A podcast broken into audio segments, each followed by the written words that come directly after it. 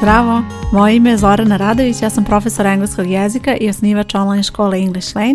Ovo što slušaš je English Lane podcast gdje govorimo o korisnim savjetima za učenje engleskog jezika i u ovoj epizodi pričat ću o jednoj temi koja je veoma zanimljiva, posebno onima koji počinju sa učenjem engleskog jezika – i e, znam da oni koji žele da nauče engleski jezik ne vole uvek previše da se bave gramatikom i generalno moj pristup je takav da ako nema potrebe ne bih te zamarala gramatikom i ne bih ti e, pisala recimo neko pravilo ili nešto ako to tebi ne treba. Ako i pominjem neko gramatičko pravilo ili neku definiciju ili tako nešto, to radim isključivo da bih ti pomogla da razumeš zašto je nešto tako i kako da onda to posle upotrebiš kasnije u konverzaciji Dakle, sve ono što pričam je moguće praktično primeniti i isti slučaj je i sa ovom temom danas. Pričat ću o imenicama, tačnije o brojivim i nebrojivim imenicama, ali pre nego što objasnim šta su jedne, a šta druge, bitno je da razumeš šta su imenice uopšte. Imenice su pojmovi koje imenuju biće, predmete i pojave. To su reči kao što su dog, bicycle, book, rain, plane, cake, coffee i tako dalje. Dakle, sve te reči imenuju neke pojmove oko tebe i u engleskom jeziku vrlo je bitno razgraničiti da li su ti pojmovi brojevi ili nebrojivi. to jest da li spadaju u grupu brojevih imenica ili nebrojivih. Počet ću prvo od brojivih imenica. Brojive imenice su imenice koje imaju oblik za jedninu i množinu i tu spadaju pojmovi koje možeš da prebrojiš i zato se i zovu tako, zato se zovu brojeve imenice. Primjer jedne brojive imenice je apple. Znači možeš reći jedna jabuka, one apple. Zatim možeš reći dvije jabuke, two apples. Dodaješ s za oblik za množinu. Možeš reći pet jabuka, five apples. I tako dalje, shvataš šta hoću da kažem. Dakle, možeš da prebrojiš, to jest možeš da dodaš broj ispred te imenice i na taj način imenica je brojiva i ima oblik za jedninu, u ovom slučaju to je bilo apple i ima oblik za množinu, to je apples, dodaje se s. Ono što je najbitnije da zapamtiš za brojeve imenice je baš to da imaju jedninu i množinu i da je to nešto što možeš da prebrojiš. I najveću sad još nekoliko primjera brojevih imenica. Cat, book, guitar, table, watch, lamp, pen, notebook, cake, ticket, boat, train, desk i tako dalje ispred svih ovih imenica možeš dodati neki broj i da onda označiš da tih pojmova ima više. S druge strane imamo nebrojive imenice. Nebrojive imenice imenuju pojmove koje nije moguće prebrojati i u tom slučaju ove imenice nemaju množinu, to jest one imaju samo oblik za jedninu i nećeš dodavati nastavak s ili s kada praviš množinu, već ćeš koristiti te imenice samo u tom jednom obliku u kom postoje. I sada ću ti odmah dati primjer da razumeš o čemu pričam. Recimo imenica bread što znači hleb, to je nebrojiva imenica. Nebrojiva imenica je zato što ispred tih imenica ne možeš da upotrebiš broj da označiš količinu. Možeš da koristiš neke druge stvari, neke druge mere za količinu i neke jedinice mere, ali ne možeš da upotrebiš broj da prebrojiš. Dakle, te imenice nije moguće prebrojati i zbog toga su to nebrojive imenice. I odmah ću ti dati još nekoliko primjera i verujem da će ti biti još jasnije kad da čuješ i ostale primjere. Weather, Vreme, recimo to je nebrojiva imenica. Juice, music, coffee, water i tako dalje. To su sve nebrojive imenice, dakle ne možeš da kažeš jedna muzika, dve muzike, tri muzike. To je jednostavno ne koristi se na taj način. E, isto je tako i za ove ostale imenice. To su nebrojive imenice i one imaju samo taj jedan oblik u jednini. Sad kada slušaš ove moje primjere, verovatno još uvijek razmišljaš o onom prvom primjeru koji sam pomenula, u pitanju je bread, hleb i kako to sad da to ne brojiva imenica i znam da je to ono što zbunjuje mnoge polaznike, pogotovo kada je u pitanju početni kurs, kako da oni znaju šta je tu brojivo, šta je nebrojivo i nije samo e, reč bread, već je recimo coffee, isto je jedna od imenica koje se često e, ljudi misle da su brojive, a zapravo su nebrojive. Vidi ovako, kada ti kažeš hleb, ti možeš misliti na raznu količinu hleba. Dakle, možeš misliti na pola hleba, na ceo hleb. Možeš čak i u našem jeziku možeš reći jedan hleb. Išla sam da kupim jedan hleb i upotrebila si broj i sad misliš da je to brojiva imenica, ali u engleskom to nije tako. I zapravo i kad na svom materijem jeziku kad mm, pomisliš na to da si rekla jedan hleb, ti zapravo misliš na jednu veknu hleba.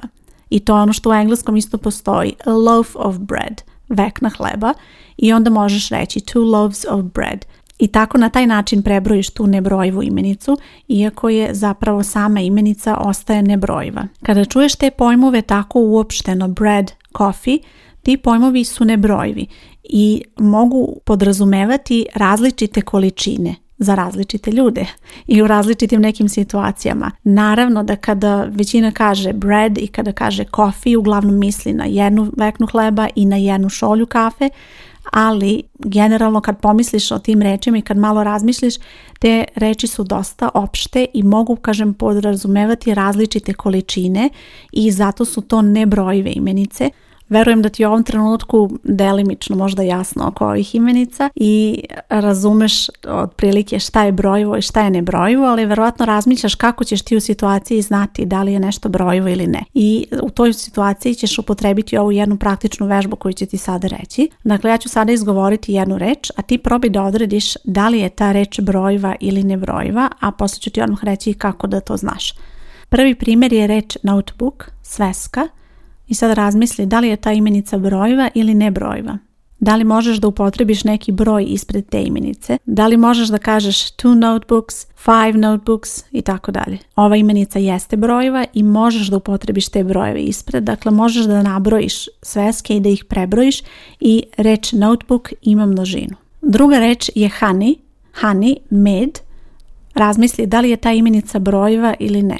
Da li možeš da upotrebiš broj ispred te imenice? Da li ćeš reći two honeys, five honeys i tako dalje. U ovom slučaju imenica je nebrojiva, nećeš upotrebiti brojeve i ova imenica nema množinu. Nebrojiva imenica je zato što je tu u pitanju neka količina koja je neodređena, dakle ne postoji neki jedan pojam koji će biti kada čuješ to kao što je notebook, pa odmah pomisliš na svesku, već hani može predstavljati različite količine, može biti e, kašika meda, može biti tegla meda i tako dalje. Dakle, nije univerzalan pojam, ne predstavlja jedan isti pojam i samim tim je nebrojiv. Dakle, ako želiš da kažeš two honeys, to ne bi bilo pravilno. Ova imenica nema množinu. Hajde probaj još jednu reč. U pitanju je reč plane, avion, da li je to brojva ili brojva imenica. I ova imenica je brojva. Možeš upotrebiti broj ispred te imenice da nabrojiš koliko ima aviona i ta reč ima množinu planes, two planes. Mnoge imenice koje označavaju hranu i pića su nebrojive imenice zato što označavaju neku materiju, neku tečnost ili neku količinu koja može biti različita i samim tim nije brojiva. E sad zašto sve ovo učiš? Postoji dva razloga zašto je ovo sve veoma bitno, da razumeš šta je brojivo, a šta ne brojivo. Pre svega bitna je ta množina, odnosno da znaš da li neka imenica može imati množinu ili ne. Brojive imenice imaju oblik i za jedninu i za množinu, dok nebrojive imenice imaju samo oblik za jedninu. To je prvo pravilo i to je vrlo bitno da zapamtiš, što će ti pomoći kada treba da odrediš da li ćeš upotrebiti koju od ta dva oblika. A druga stvar zašto je to veoma važno je zbog upotrebe članova. Članovi u engleskom, to su one reči e, and, su veoma važni u engleskom i gotovo da ne možeš da napišeš rečenicu, a da ne upotrebiš član, bez obzira čak i ako si na početnom kursu i ako tek krećeš sa učenjem engleskog jezika, e, ova reč će se pojaviti i to je neminovno. A jedno pravilo koje će ti odmah pomoći da pravilno upotrebiš član je to da se neodređeni član koristi samo ispred brojevih imenica u jednini. To znači da ako recimo kažeš apple, Ispred te reči možeš upotrebiti neodređeni član, možeš reći an apple. Ako recimo koristiš reč notebook, to je brojiva imenica u jednini i možeš da upotrebiš neodređeni član a notebook. Međutim, ako je imenica ne brojva, ona ne može imati neodređeni član. Ako koristiš imenicu honey, ispred te imenice nikada nećeš upotrebiti a, nikada nećeš reći a honey. Eto jedna kratka, na izgled e, lagana lekcija koja nije da kažem posebno možda nekome ni bitna, ali u stvari poznavanje brojvih i nebrojevih imenica direktno utiče na to kako ćeš da upotrebiš član i kako ćeš da upotrebiš množinu imenica. I onda recimo kada vidim primjer these are a flowers, odmah vidim da osoba nije razumjela kako da upotrebi član i da nije sigurna mm, u to pravilo da se neodređeni član ne koristi ispred imenice u množini i također kada je recimo neko napisao primjer I like a tea to je isto pogrešno, ispred nebrojive imenice nećeš upotrebiti neodređeni član i to su neke stvari koje treba da zapamtiš i da usvojiš rano na početku da bi onda kasnije izbjegla onu situaciju da se stvore one rupe u znanju i da onda dođeš do ne znam kog nivoa, a zapravo ne znaš da upotrebiš član ili nisi sigurna kada ide množina, koja imenica može da bude u množini, koja ne može i zašto uopšte. Dakle, to je sve zasnovano na ovoj jednoj lekciji šta su brojive, a šta ne brojive imenice.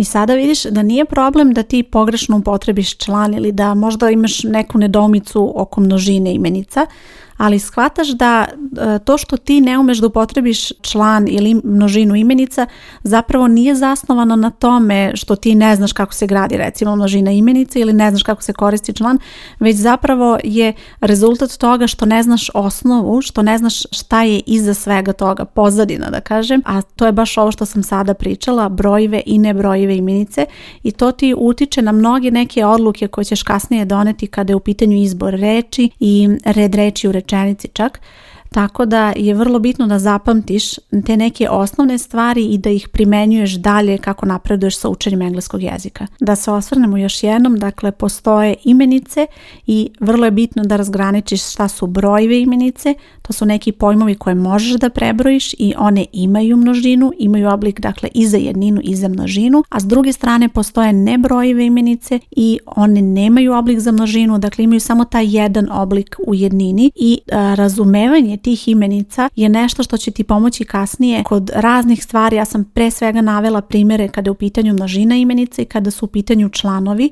ali postoji još situacija nekih gdje ćeš imati dilemu, recimo da li da upotrebiš sam ili da li da upotrebiš any ili mač ili meni i tako dalje.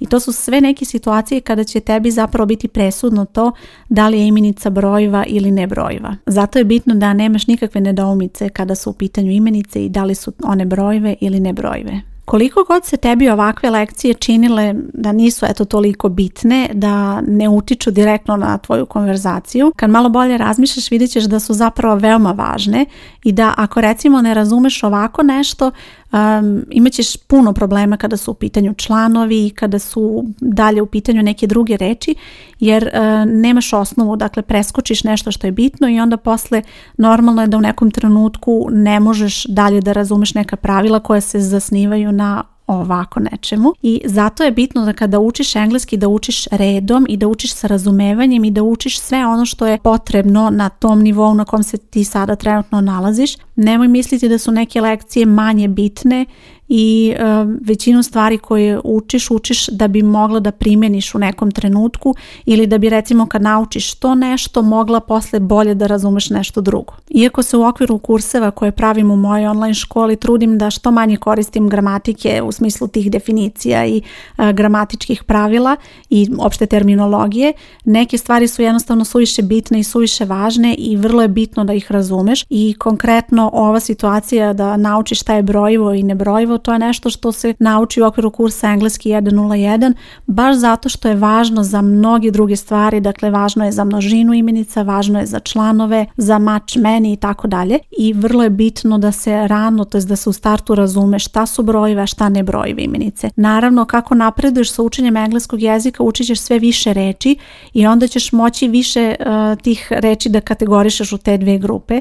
Za početak ćeš znati samo neke reči, ali vremenom će ti ovo biti i jasnije i vremenom ćeš e, i sam moći da odrediš, vidjet ćeš imenicu i odmah ćeš na osnovu iskustva i na osnovu svih ovih pravila umeti sama da odrediš da li imenica brojeva ili ne. Kurs Engleski 101 je dostupan u mojoj online školi i namenjen je apsolutnim početnicima, onima koji nikada nisu učili engleski, kao i onima koji su učili engleski ranije, ali dosta toga zaboravili, ili onima koji su stigli do nekog nivoa kada je u pitanju učenja engleskog jezika, ali toliko imaju propusta da jednostavno ne mogu dalje da napreduju i da ima toliko nesigurnosti da moraju prosto da se vrate na te neke početne lekcije da ipak naprave dobru osnovu da bi mogli dalje da napreduju.